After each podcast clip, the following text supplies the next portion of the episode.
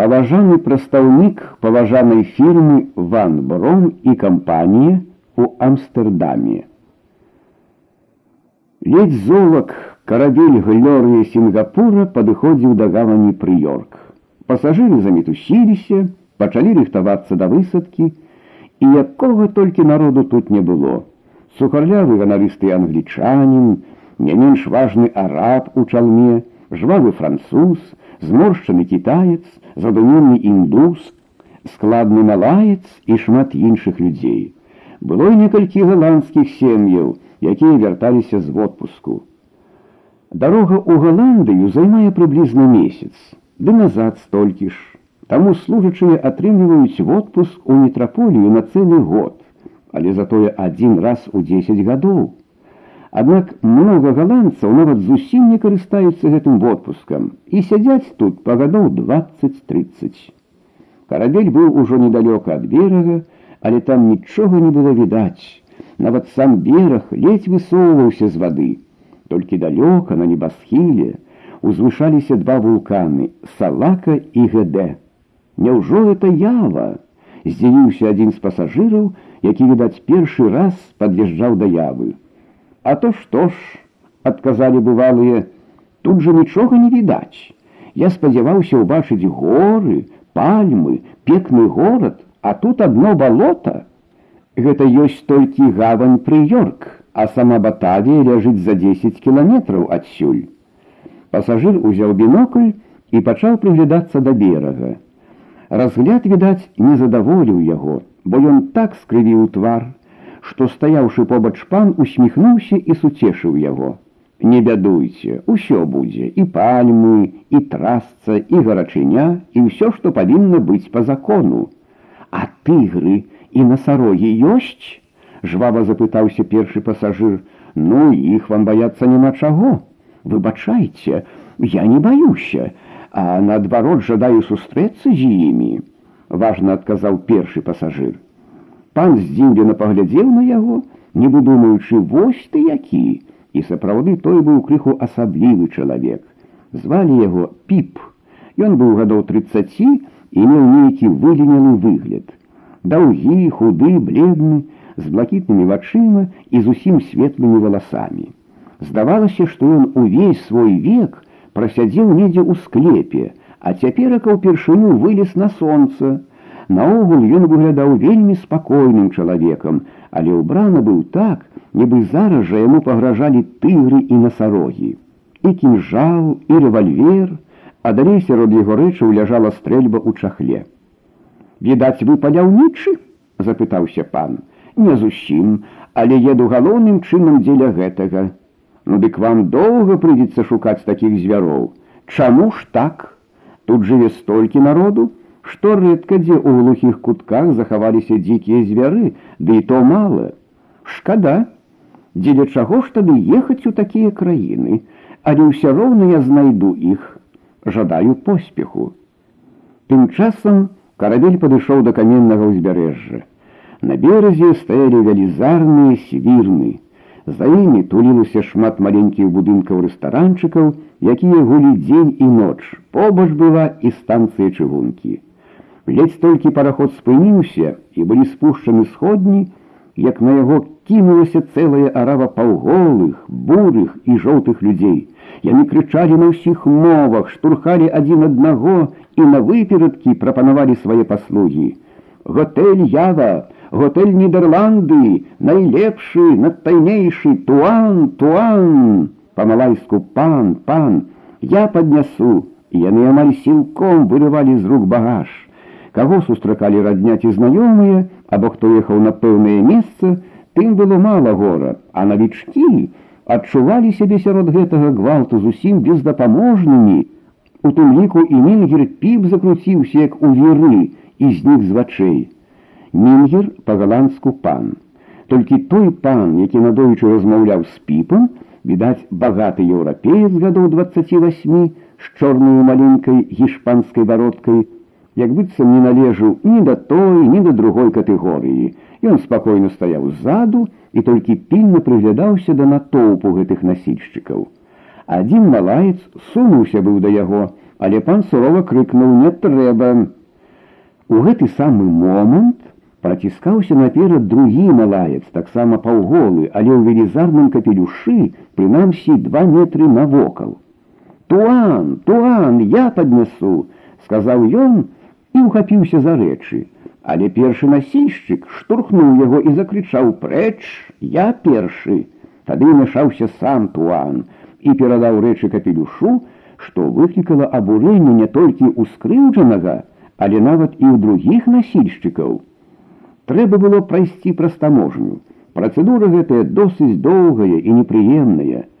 Апроч праверкі рэчаў і дакументаў трэба было паказаць яшчэ права на ўезд. Як мага болей грошай, асабліва гэта вымагалася ад еўрапейцаў. Бачыце, усе белыя тут паны і павінны быць панамі хоць трэсні. Калі падуладныя тубыльцы даведаюцца і ўбачаць, што белыя таксама могуць гараваць, дык яны перастануць шанаваць і баяцца галандцаў, а гэта вельмі небяспечная рэч. Зразумела, што ў першую чаргу прапусцілі белых. Вось наперадзе падняўся шум і спрэчкі. Адзін небарака прывёз замала грошай і яго затрымалі, каб з наступным караблём адправіць назад. Я ж магу працаваць. Я ж не буду сядзець ні на чыім карку, апраўдаваўся бядак, але яго і слухаць не хацелі. І то праўда, не могуць жа гаспадары рызыкаваць сваім аўтарытэтам за якогось там бедняка. Дайшоў чарод да нашага пана, ён падаў дакументы. Ван Декер, прадстаўнік фірмы Ван Барон і кампанія ў Амстердаме, прачытаў чыноўнік. А за яго спіны сунуў носу дакумент, і нейкі тып відаць агент паліцыі. Але ван Декер ужо паказваў права на ўезд досыць значную пачку гульданаў. Чыноўнік адразу выказаў надзвычайную пашану, а агент адразу перастаў цікавіцца дакументам. На вакзале, прымаючы ад ван Декера плату, капялюш сказаў: « Калі туан дазволіць, я правяду туана да самага гатэля ява. Добра, сказаў паважна ван Декер і сеў у вагон першага класа, а насільшчык пабег у трэці клас. Ад прыёрка да баталіі ідуць некалькі каналаў, шассе, чыгунка і трамвай. Безупынны рух ішоў па ўсіх гэтых шляхах. Але краявід быў зусім нецікавы, нудны, затопленая нізіна, хмызняк, нізенькія пальмы, падобныя да нашай папараці, купы бамбуку, дзе-нідзе банан за грамаднымі лістамі, якія віселі па баках як рыззё. Толькі какосавыя пальмы, вылятаўшы з зямлі як ракеты, ды гарачае вільготнае паветра, прычына злоснай малярыі падкрэслівалі, што тут гарачая краіна. Вось паказалася і сама Батавія, але зноў нічога цікавага. Мясцовасць бадай што не павысілася, тыя ж каналы па вуліцах, толькі бруднейшыя, а ў іх мыюць бялізну ды купаюцца цэлыя сем'і малайцаў і кітайцаў. Нездарма галандцы уцяклі адсюль і пасяліліся на некалькі кіламетраў далей, вышэй. З таго часу гэтая частка завецца старой батавіяй, а той далі назву Вельтерведен, што азначае прыблізна добрае самапачуццё. Там сярод пышных садоў, у мармуровых палацах, яны сапраўды добра сябе адчувалі, а тут засталіся каляровыя, якія абслугоўвалі магазіны, канторы, фабрыкі, майстэрні і ўсялякія іншыя установы. Калі Ван Декер выйшаў з вагона, да яго зноў падскочыў малаец у капелюшы і панёс рэчы. Ля вакзала стаяў аўтамабіль з гатэля ява. Насільшчык паклаў туды багаж. На момант Ван Декер спыніўся, нешта мяркуючы але насельшчык пачаў кланяцца і казаць: Хай туан едзе спакойна, хай не непакоіцца, тугай усё зробіць. Тады вандекер сеў у аўтамабіль і паехаў, а тугай пабег як мага па вядомых яму закавулках. Калі вандекер даехаў да гатэля, там яго чакаў ужо тугай. Ён так завіхаўся для свайго туана, што нават гаспадар гатэля заўважыў і сказаў вандекеру: добрага стараннага слугу вы маеце. О, ён у мяне маладзец, з гордасцю сказаў вандекер, Я з ім ніколі не разлучаюся, асабліва ў дарозе па яве, калі патрабуецца перакладчык. Калі ласка, вы ўжо дайце яму дзе-небудзь куток, я заплачу. Тугае змясцілі ў агульнае памяшканне, дзе былі ўсе слугі. Большасць іх былі метысы, колеру кавы з малаком, як звычайна гаворыць тут. У адных было больш кавы, у другіх больш малака, але наогул народ досыць прыгожы, толькі крыху папсаваны, бо і яны ўжо лічылі сябе панскай крыві звысака адносіліся да цёмных. Галандцы падтрымліваюць гэтае пачуццё, бо яно для іх карысна, У асобе гэтых падпанкаў яны маюць сваіх прыхільнікаў, якія не за страх, а за сумленне служаць галандцам, імкнуцца стаць бліжэй да паноў, паказаць, што яны непростыя. Тугайны вельмі прыемна сябе адчуваў сярод гэтых метысаў. Яму трэба было пайсці да ван дэкера, але самому ісці да туана нельга. Трэба чакаць, пакуль той сам пакліча. Ці добры твой туан, запытаўся яго франк з бліскучымі гузікамі. О, бэсар туан, адказаў тугай. Бэсар па-малайску вялікі. О, дужа б'е, добры туан, захапленнем сказаў тугай. Адкуль вы прыехалі? Але званок з нумару вызваліў тугая ад неабходнасці адказаць на гэтае пытанне.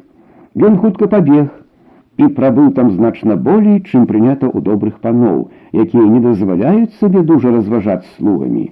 Ого, як доўга ты тамака сядзеў, заўважылі слугі, калі тугай вярнуўся. Ці не вучыў ён цябе там? Тугай уздрыгануўся, падазроны зірнуў наўкола, але заўважыўшы, што гаварылі так сабе, без асаблівага сэнсу, супакоіўся і адказаў: « О, мудры туан, бесар туан! Сярэдзіна дня у баталіі з'яўляецца такім часам, калі на вуліцы не ўбачыш аніводнага еўрапейца. Сонца стаіць над самай галавой, пячэ так, што толькі надзвычайная патрэба можа прымусіць еўрапейцаў выйсці на вуліцу. Ды і наогул галандскія гандляры і чыноўнікі тут ніколі не ходзяць. Яны толькі ездзяць. Іх стан не дазваляе ім хадзіць. Нават праз вуліцу, шануючы сябе, пан не пойдзе пешшу, а ў поўдзень яму нават і не ездзіць, а ці дрэмлюць у сваіх канторах, ці ляжаць на верандзе або ў садзе у крэслых калысках, задраўшы да гары босыя ногі і папіваючы што-небудзь халоднае. Праўда, знойдуцца і такія галандцы, якім у гэты час прыходзіцца працаваць, але іх так мала, што агульны малюнак не змяняецца. Толькі каляровыя тубыльцы, большасць якіх носяць велізарныя капелюшы, снуюць сабе пад сонцам узаты ўперад хоць бы што. Галоўнае адзенне малайца саронг або кавалак тканіны адкручаны на манер спадніцы. Ён спускаецца да кален і ўжываецца аднолькава як жанчынамі, так і мужчынамі. А далей ужо хто як можа, ці кашулю, кофту, хустку або мех на плечы, ці проста верхняя палова цела застаецца голаю, на галаве разнастайныя капелюшы, круглыя шапачкі, ці хустачкі і чалмы. Ногі заўсёды босыя. Улада нават клапоціцца аб тым, каб усе тубыльцы былі босыя. Усё для аднаго і таго ж яшчэ раз падкрэсліць розніцу паміж еўрапейцам і тубыльцам. Слугі паноў, нават лакеі і швейцары у генерал-губернатарскім доме, убраныя ў параднае адзенне з бліскучымі гузікамі абавязкова павінны быць босымі. То бульцы паліцэйскія ў сініх мундзірах з жоўтымі шнурамі таксама босыя. Тугай выйшаў з гатэля і пайшоў па вуліцах. Відаць было, што ён ідзе з пэўнаю мэтаю. Шырокай вуліцы ён завярнуўся ў адзін другі завулак і выйшаў на рынок. Усюды на ўсходзе рынок з'яўляецца галоўным цэнтрам грамадскага жыцця. Гэта і клуб, і месца сходаў, месца, дзе заўсёды пачуеш усе навіны. Далёка не ўсе ідуць сюды, каб што-небудзь купіць ці прадаць. Большасць проста таўчэцца, здаецца без аніякага сэнсу. На вялізнай плошчы цягнуліся шэрагі будак з пальмавага лісця, травы і бамбуку. Будкі такія нізенькія, што чалавек можа ўвайсці туды толькі схіліўшыся. Смярдзючая сушаная рыба, Розныя гародніна, мяса, рыс і садавіна з'яўляюцца галоўнымі спажывецкімі таварамі. Асабліва розныя плады, якія ляжаць вялікімі грудамі, і трэба было толькі здзіўляцца, хто іх раскупляе. Галоўнымі пладамі з'яўляюцца бананы, якія тут адыгрываюць такую ж ролю, як у нас бульба. Яны маюць больш за сто гатункаў рознай велічыні і розным смакам. Купляюць іх цэлымі галінамі, нізкамі больш за паўпуда і такой даўжыні, што ускінутая на плечы гэтая нізка цягнецца другім канцом па зямлі. Потым ідзе плод хлебнага дрэва, самы вялізны з усіх пладоў. Далей кокосавыя арэхі, ананасы, апельсіны, пампельмусы велічыню з гарбуз і нарэшце такія цудоўныя рэчы, аб якіх мы нават і не чулі. Вось нейкая дыня папайя, якая расце на дрэве. У сярэдзіне знаходзяцца зерняткі акурат як наша рыбная ікра. Вось сау маніла, падобная да нашых сліў. Там нібы зялёныя і грушы з дзіўнай назвай адвакат. Сама яна амаль без смаку, але калі яе расцерці ды падліць лыжачку віна цікавы, тады робіцца нешта такое смачнае, што калі яе хто раз пакаштаваў, то потым ужо заўсёды будзе думаць аб гэтым адвакаце. Вось дур'ян, падобны да гурка, велічыню з дзіцячую галаву, з цвёрдымі калючкамі на скуры, ды такі смярдзючы, што ў гатэлях яго нават не падпускаюць блізка да памяшкання. Ён смярдзіць і гнілым сырам, і гнілым мясам і часнаком, але ўсярэдзіне яго знаходзіцца нібы смятана, досыць смачная і арыгінальная па смаку. Кажуць, што нават сярод еўрапейцаў ёсць такія аматары, што гатовы на край свету ехаць, каб толькі пакаштаваць гэтага дур'яну. Вельмі каштоўным лічыцца мангустан на манер нашага яблыка. У сярэдзіне яго знаходзіцца марожанае, якое ядуць лыжачкамі. Гэта вельмі далікатная садавіна. Яна нават у лёдзе не можа пратрымацца болей як 48 гадзін. Вось манго, со смаком шпігінару, вось рамбутан, як каштан, дуку на манер вінаграду і шмат іншых пладоў. Але нашыя людзі кажуць, што ўсе гэтыя штукі не варты адной добрай антонаўкі. Мусіць, таксама яванец не аддаў бы свайго дур'яну за ўсе нашы яблыкі і ігрушы. Большасць вендляроў на рынку былі кітайцы, затым арабы, малайцаў зусім мала, галоўным чынам тыя, што прадавалі свае ўласныя сельскагаспадарчыя прадукты. Вакол усяго вялікага і індыйскага акіяну мусіць не знойдзецца больш-менш значнага горада, дзе б кітайцы не мелі свайго асобнага кітайскага квартала. Таксама і ў Батавіі, дзе іх 30 тысяч чалавек. І большасць гандляроў на рынку былі кітайцы. Сярод іх ёсць і багатыя, якіх галандцы прызнаюць кіраўнікамі кітайскага квартала з гучным званнем капітана ці маёра. І такі капітан так грае ў дудку галандцам, што лепш не трэба. Кітайцы таксама з'яўляюцца найлепшымі рамеснікамі. Тут на рынку або на вуліцы ля сваіх хат яны адчынілі свае майстэрні.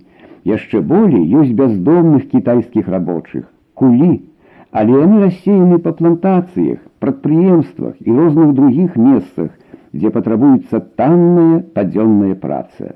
Усяго кітайцаў наяве больш за мільён. Значнае месца займаюць і арабы, якія таксама маюць асобны квартал. Яны з'яўляюцца галоўнымі канкурэнтамі кітайцаў. Толькі гаспадары краіны малайцы не ўмеюць прыстасавацца да гандлю і розных прадпрыемстваў а займаюцца галоўным чынам наёмнай працай. Па баках базара ішлі каналы, а па іх узад і ўперад снавалі гружаныя лодкі. Тугай ішоў наўскасяк і толькі трымаўся за свой капялюш, каб ён не скінуўся. Сярод базара ён убачыў мінгера піпа. Нейкі араб настойліва прапаноўваў піпу купіць саронг. Туан, вы адзін выпадкова прыйшлі сюды, дык я хачу задаволіць вас, купляйце гэты саронг. Ён прывезены з глыбіні краіны, паходзіць ад старадаўніх яванскіх цароў 16 стагоддзя. Прыгледзьцеся толькі, якая работа! У Еўропе вы атрымаеце за яго ў сто разоў болей. карыстайцеся выпадкам, усяго толькі 150 гульданаў. Саронг сапраўды быў цікавы, разнакаляровы, яскравы і сапраўды меў старажытны выгляд. І калі араб з'ехаў на 80 гульданаў, піп не вытрымаў спакусы і купіў дзіўны саронг, які фабрыкуецца ў Еўропе ў масавым маштабе па 8 гульданаў за штуку. Адвярнуўшыся ў другі бок, піп напароўся на чалавека, які ўвесь быў абкручаны страшэннымі змеямі. Яны варушыліся ва ўсе бакі, задзіралі галовы, высоўвалі языкі, меншае з іх было таўшчынёй з руку. Туан, купляйте боа, добрая боа, по 10 гульденаў за штуку, купляйте, лепшых нідзе не знойдзеце. Ну по 5 гульденаў, а гэтага аддам за тры. Не, не, не трэба, замахаў руками піп і хутка пайшоў прэч. Гэтае здарэнне нават сапсавала яму настрой. Ён прагнуў сустрэцца з такімі гадамі дзе-небудзь у першабытным лесе, сярод гушчару, бамбукаў, а тут на табе прапануюць на рынку па тры гульданы, як каўбасы ў Амстэрдаме, проста прыкра глядзець. Тугай пайшоў далей. У канцы рынка ён заўважыў натоўп і некае хваляванне сярод народу. Праціснуўшыся наперад, ён убачыў на зямлі хлопчыка гадоў дзесяці, які ляжаў у непрытомнасці, а галава яго ўся была заліта крывёю. Худы паўголы малаец дрыжачым ад абурэння голасам казаў: Маленькі сідні сядзеў воддалі і глядзеў, як паны ў сваім садзе гулялі ў мяч. Сідні не лес, не падыходзіў да іх. І вось мячык пераляцеў у суседні сад.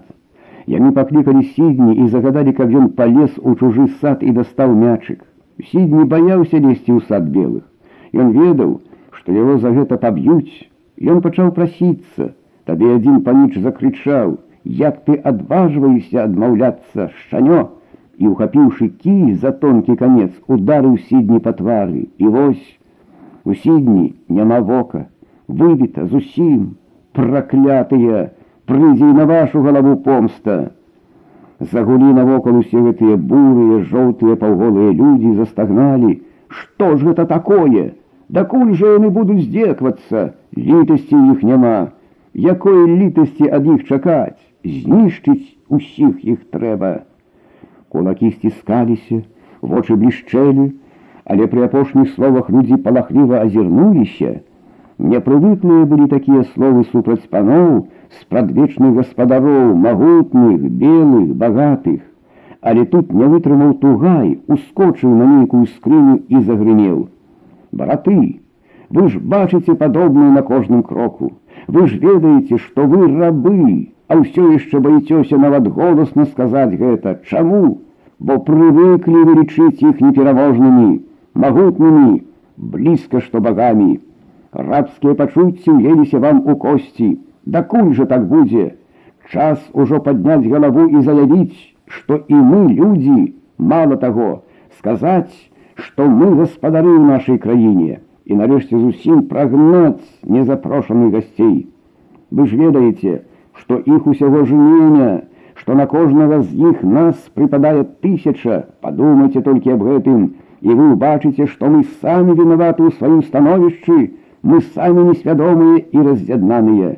Каб толькі мы ўсе захацелі, мы адразу сталі б самі сабе гаспадарамі захапленнем слухаў народ гэтыя словы, дзівіўся, што яны такія смелыя і разам з тым зусім простыя і зразумелыя, і сапраўды белых так мала, нават цяпер навокал ніводнага няма, і каб толькі ўсім адразу дагаварыцца. Але яны з'явіліся. Спачатку бездапаможнымі тусіліся паліцэйскія, але яны былі свае, і на іх не вельмі зварачалі ўвагу. А праз некалькі хвілін з'явіліся ўжо сапраўдныя паны, белыя, узброеныя на конях, і натоўп хутка пачаў разыходзіцца. Але заставалася яшчэ шмат рашучых абарваных людзей, якім так не хацелася разлучацца са сваімі марамі, так хацелася зараз жа пачынаць. Тугай загадзя ўсё прадугледзеў. Таварышы, не рызыкуйце дарэмна, разыходзьцеся, ды памятайце адно, хутка Вельмі хутка прыйдзе час, калі прыйдзецца выступіць усім адразу. Чакайце гэтага часу і рыхтуйцеся. І тугай знік у тую хвіліну, калі падскакалі жандары. Па дарозе яны некалькі чалавек перахапілі, некалькі выцялі бізунамі, а на месцы засталі толькі бацьку сідні на руках. Убирайся хутчэй са сваёй падлай, крыкнуў адзін жандар і выцеў няшчаснага бацьку па плячы. Кроў пацякла са шрама і змяшалася з крывёю сына. Тугай тым часам скінуў свой капялюш, ускочыў у канал і пачаў сабе спакойна купацца сярод лодак, нібы ўся гэтая справа яго не цікавіла. Калі ён пайшоў далей, на ім заместа капелюша была ўжо хустка, завязаная ззаду. Праз некаторы час ён падышоў да старажытнай мураванай брамы, якая засталася ад былой некалі сцяны або крэпасці. На гэтай браме на канцы пікі тырчаў скамяневы заліты вапной чэрап, як у людаедаў у некаторых дзікіх кутках зямлі. Але гэта цацка, відаць, была зроблена зусім не людаедамі, бо на ёй подпіс на галандскай мове. Так пакараў кароль здрадніка Пітера Эльбервельда 14 красавіка 1722 года. Гэты Пітер сам быў метыс, але ненавідзеў еўрапейцаў не менш, чым чыстакроўныя яванцы. Ён падрыхтаваў рашучае паўстанне на ўсіх бліжэйшых астравах. Быў ужо прызначаны дзень, але адна жанчына яванка здрадзіла і ўсё прапала. Насустрач тугаю ішлі два рабочыя. Зірнуўшы ўверх, адзін з іх сказаў: « Вось каму трэба было пакланяцца замест той фігі. Другі таксама падняў галаву і задуменна дадаў: « І будуць калі-небудзь, на жаль, да гэтага часу чамусьці мала было ў нас такіх людзей. Пры гэтых словах тугай прыпыніўся і, відаць, хацеў загаварыць з імі, але тыя ўжо мінулі яго, і ён пайшоў далей на цянькі праз пустыр. Там, відаць, быў нейкі гурток людзей, галоўным чынам жанчын. Тугай падышоў бліжэй і ўбачыў нешта недарэчнае. На зямлі ляжала якаясь дапатопная, кажуць кітайская гармата. Вярней адзін ствол ад яе. Навокал яна была старанна абрукавана, а з канца да яе была прыладжана велізарная драўляная фіга. Вакол гарматы сядзелі на зямлі жанчыны і моўчкі урачыста глядзелі на фігу. Вось падышла яшчэ одна маладая жанчына, склала далонямі руки, подняла іх вышэй галавы і пакланілася фізе да самай зямлі. Потым палажыла ля яе нейкую істужку, Уся фіга была абкладзена рознымі рэчамі, гаршкі з рысам, торбачкі, бляшкі, кавалкі тканіны, кветкі, садавіна і розныя іншыя дробязь. Чакаеш? Хутка тихо запытала новопришедшую суседка. Мусіць хутка, отказала тая. А мне вось Бог не дае, уздыхнула першая. Колькі разоў ужо я тутака была, колькі афяр приносила. Відаць, не прымае дух. А я дык сама не ведаю, ці радавацца мне, ці гараваць. Мой, здаецца, просіць начальства, каб яму змянілі жонку, куды я тады дзенуся з дзіцем. Дык яго ж возьмуць выхоўваць на дзяржаўны кошт. Яно так, але цяжка разлучацца, і жанчыны зноў сціхлі. Тугай стаяў побач і горка ўсміхаўся. Ён добра ведаў усю гэтую штуку. Гэта гармата з фігаю даўно ўжо лічыцца цудоўнай, і цёмныя жанчыны здаўна зварачаюцца да яе ў сваіх справах наконт дзяцей. Не ведаў ён толькі адкуль, як і чаму, прылажана была гэтая фіга. Можа, галандцы пажартавалі. У кожным разе яны не перашкаджаюць пакланяцца гэтай святыні і мусіць ахвотна нарабілі б яшчэ шмат фік. Разумеў тугай і размову двух жанчын. Адна з іх была пайковая жонка галандскага салдата. Разам з іншым утрыманнем салдатам часова даюцца жонкі, зразумела з чорных. Яны гатуюць, мыюць бялізну, абслугоўваюць сваіх мужоў, а потым застаюцца на волі. Тугаю так хацелася растлумачыць ім, якое глупства яны робяць, але ён добра ведаў, што гэта дарэмна. Тут ён са здзіўленнем заўважыў, што сярод жанчын знаходзіцца адзін стары мужчына. І ты, дзядуля, прыйшоў пакланіцца гэтай фізе, спытаў тугай. Не думай, што гэта толькі жаночая справа, паважна сказаў дзед. Это таксама справа агульная, дзяржаўная.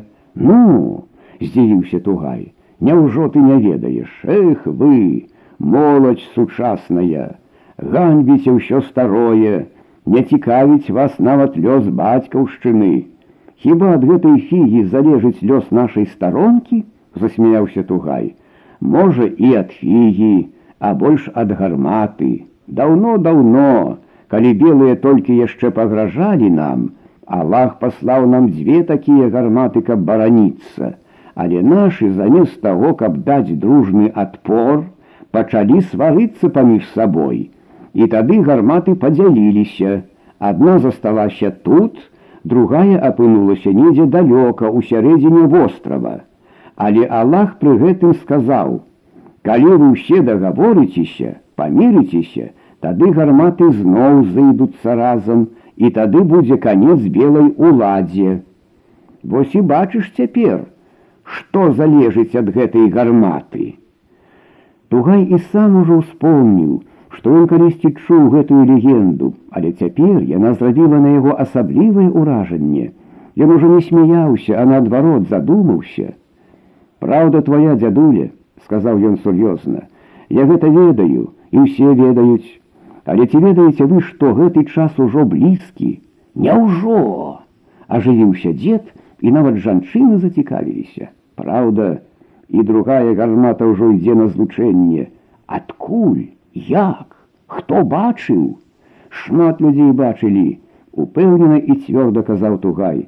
І сам бачыў я сваімі ўласнымі вачыма, і дадаў ён неспадзявана для сябе самога. Спачатку яе бачылі ў акрузе банджумас, потым у прынегеры, апошні раз я сам бачыў у бантаме. Больш падрабязна пакуль што я не магу права вам казаць каб не даведаліся галандцы і вы таксама сцеражыцеся каб яны не даведаліся але паміж сваіх вы маеце права казаць нават старайцеся распаўсюдзіць што прароцтва ўжо спаўняецца што ўладзе белых прыходзіць канец і што няма чаго ўжо іх баяцца гэтыя словы тугай вымавіў вельмі урачыстым голасам потым раптоўна завярнуўся і пайшоў далей задаволена усміхаючыся сабе пад нос Кожны кій мае два канцы, нават галосна прамармытаў ён. А паклоннікі фігі ад такой навіны нават забыліся на свае ўласныя справы і хутка пачалі разыходзіцца, каб абвясціць сваім знаёмым такую важную навіну. Дякуй Аллаху, дачакаўся і я вызвалення свайго народа, казаў стары кульгаючы дадому, я заўсёды казаў, нездарма ж усё гэта гаворыцца, Нездарма ж яна тут ляжыць гэтая гармата, Нездарма ж перад ёю моляцца, Вось бачыце, цяпер і збываецца прароцтва. Тым часам тугай дабраўся да самага апошняга, самага беднага квартала, пра які, відаць, забылася нават сама паліцыя, бо вельмі ўжо брудна было тут. Маленькія хаткі туліліся адна да адной, голыя чорныя дзетвара капашылася ў балоце ад учарашняга дажджу. Усюды былі развешаны пялёнкі і брудныя лахманы. Усё гэта парылася пад пякучым сонцам, якое стаяла акурат над галавой. Горы за ўсё, што расліннасці амаль зусім не было ў гэтым кутку. Ужо нашто і набуяе ў гэтым краі на кожным кроку, але тут людскі гушчар перамог нават яе. І не дзіва, каля трохсот тысяч народа жыве ў батавіі, а вялізных шматпавярховых камяніц у ёй куды менш, чымся ў еўрапейскіх гарадах. І толькі блізкасць мора, якое асвяжае паветра і не дапушчае гарачыні падымацца звыш 35 градусаў, дае магчымасць сяк так жыць у гэтым пекле, або раі, усё роўна, так і гэтак можна назваць гэты дзіўны край. Тугай падышоў да адной хаты, таксама беднай, але крыху больш і лепш дагледжанай. Нават некалькі бананаў расло ля яе. Насустрач тугаю выйшаў мужчына гадоў 35, малаец, але ў штанах і сіняй расшпільнай блузе. Увесь яго выгляд сведчыў, што ён быў больш кваліфікаваны і вопытны рабочы, чымся звычайная малайская бедната. Прыехаў, запытаўся ён тугае, прыехаў, усё добра, лепш не трэба, збяруцца сёння, будуць усе, хадзем пагаворым, прыйдзецца пачакаць да цямна. І яны ўвайшлі ў хату.